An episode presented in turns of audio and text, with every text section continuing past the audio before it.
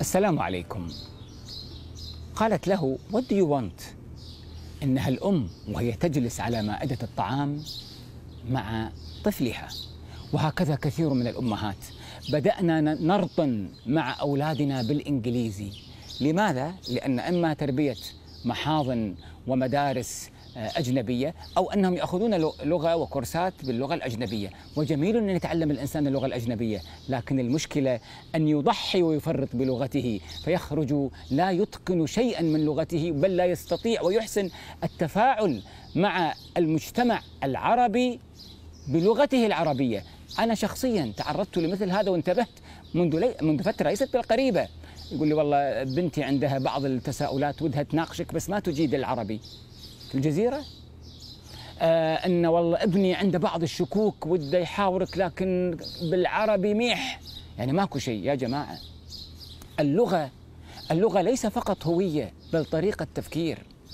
الفرنسيون والإنجليز والدول التحالف عندما أسقطوا دول المحور ألمانيا واليابان وإيطاليا في الحرب العالمية الثانية الحلفاء أقصد عندما أسقطوا المحور اليابان استسلمت كل لكل الشروط لكن قالت إلا شرط تغيير اللغة.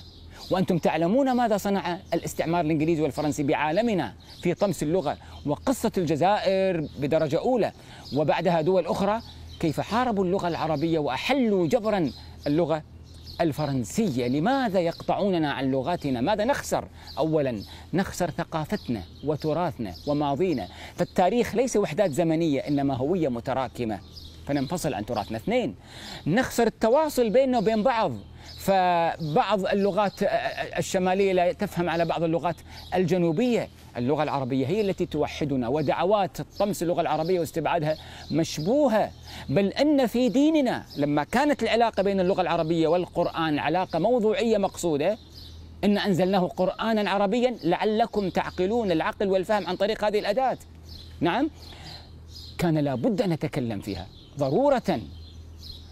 من هنا كل الكتب التي ألفت في تحريض المسلمين وتحريض العرب على الإبقاء على هذه اللغة ضعفوا الأحاديث وهي ضعيفة التي قالت أن النبي تكلم فارسي. فقال لي عبد الرحمن بن صخر وقد كان نائما على بطنه يتوجع قال له النبي أشكم درد؟ يعني بطنك يوجعك. غير صحيح الحديث وباطل. الحديث الآخر الذي رأى سلمان يأكل حبتين حبتين يعني عنبتين عنبتين. فقال ما هذا يا سلمان؟ دودو أيضا حديث باطل. يا جماعة اقرأوا كتاب عبقرية اللغة العربية لعمر فروخ اللغة الشاعرة لعباس محمود العقاد و و ولنعرف يعني أهمية لغتنا وأرجوكم الذي لا يستطيع أن يتكلم مع أولاده باللغة العربية في بيته هذه مشكلة كبيرة جدا. ولقد رأيت وعملت مقابلات متلفزة مع عرب في أوروبا يتقنون اللغتين ولدوا في أوروبا.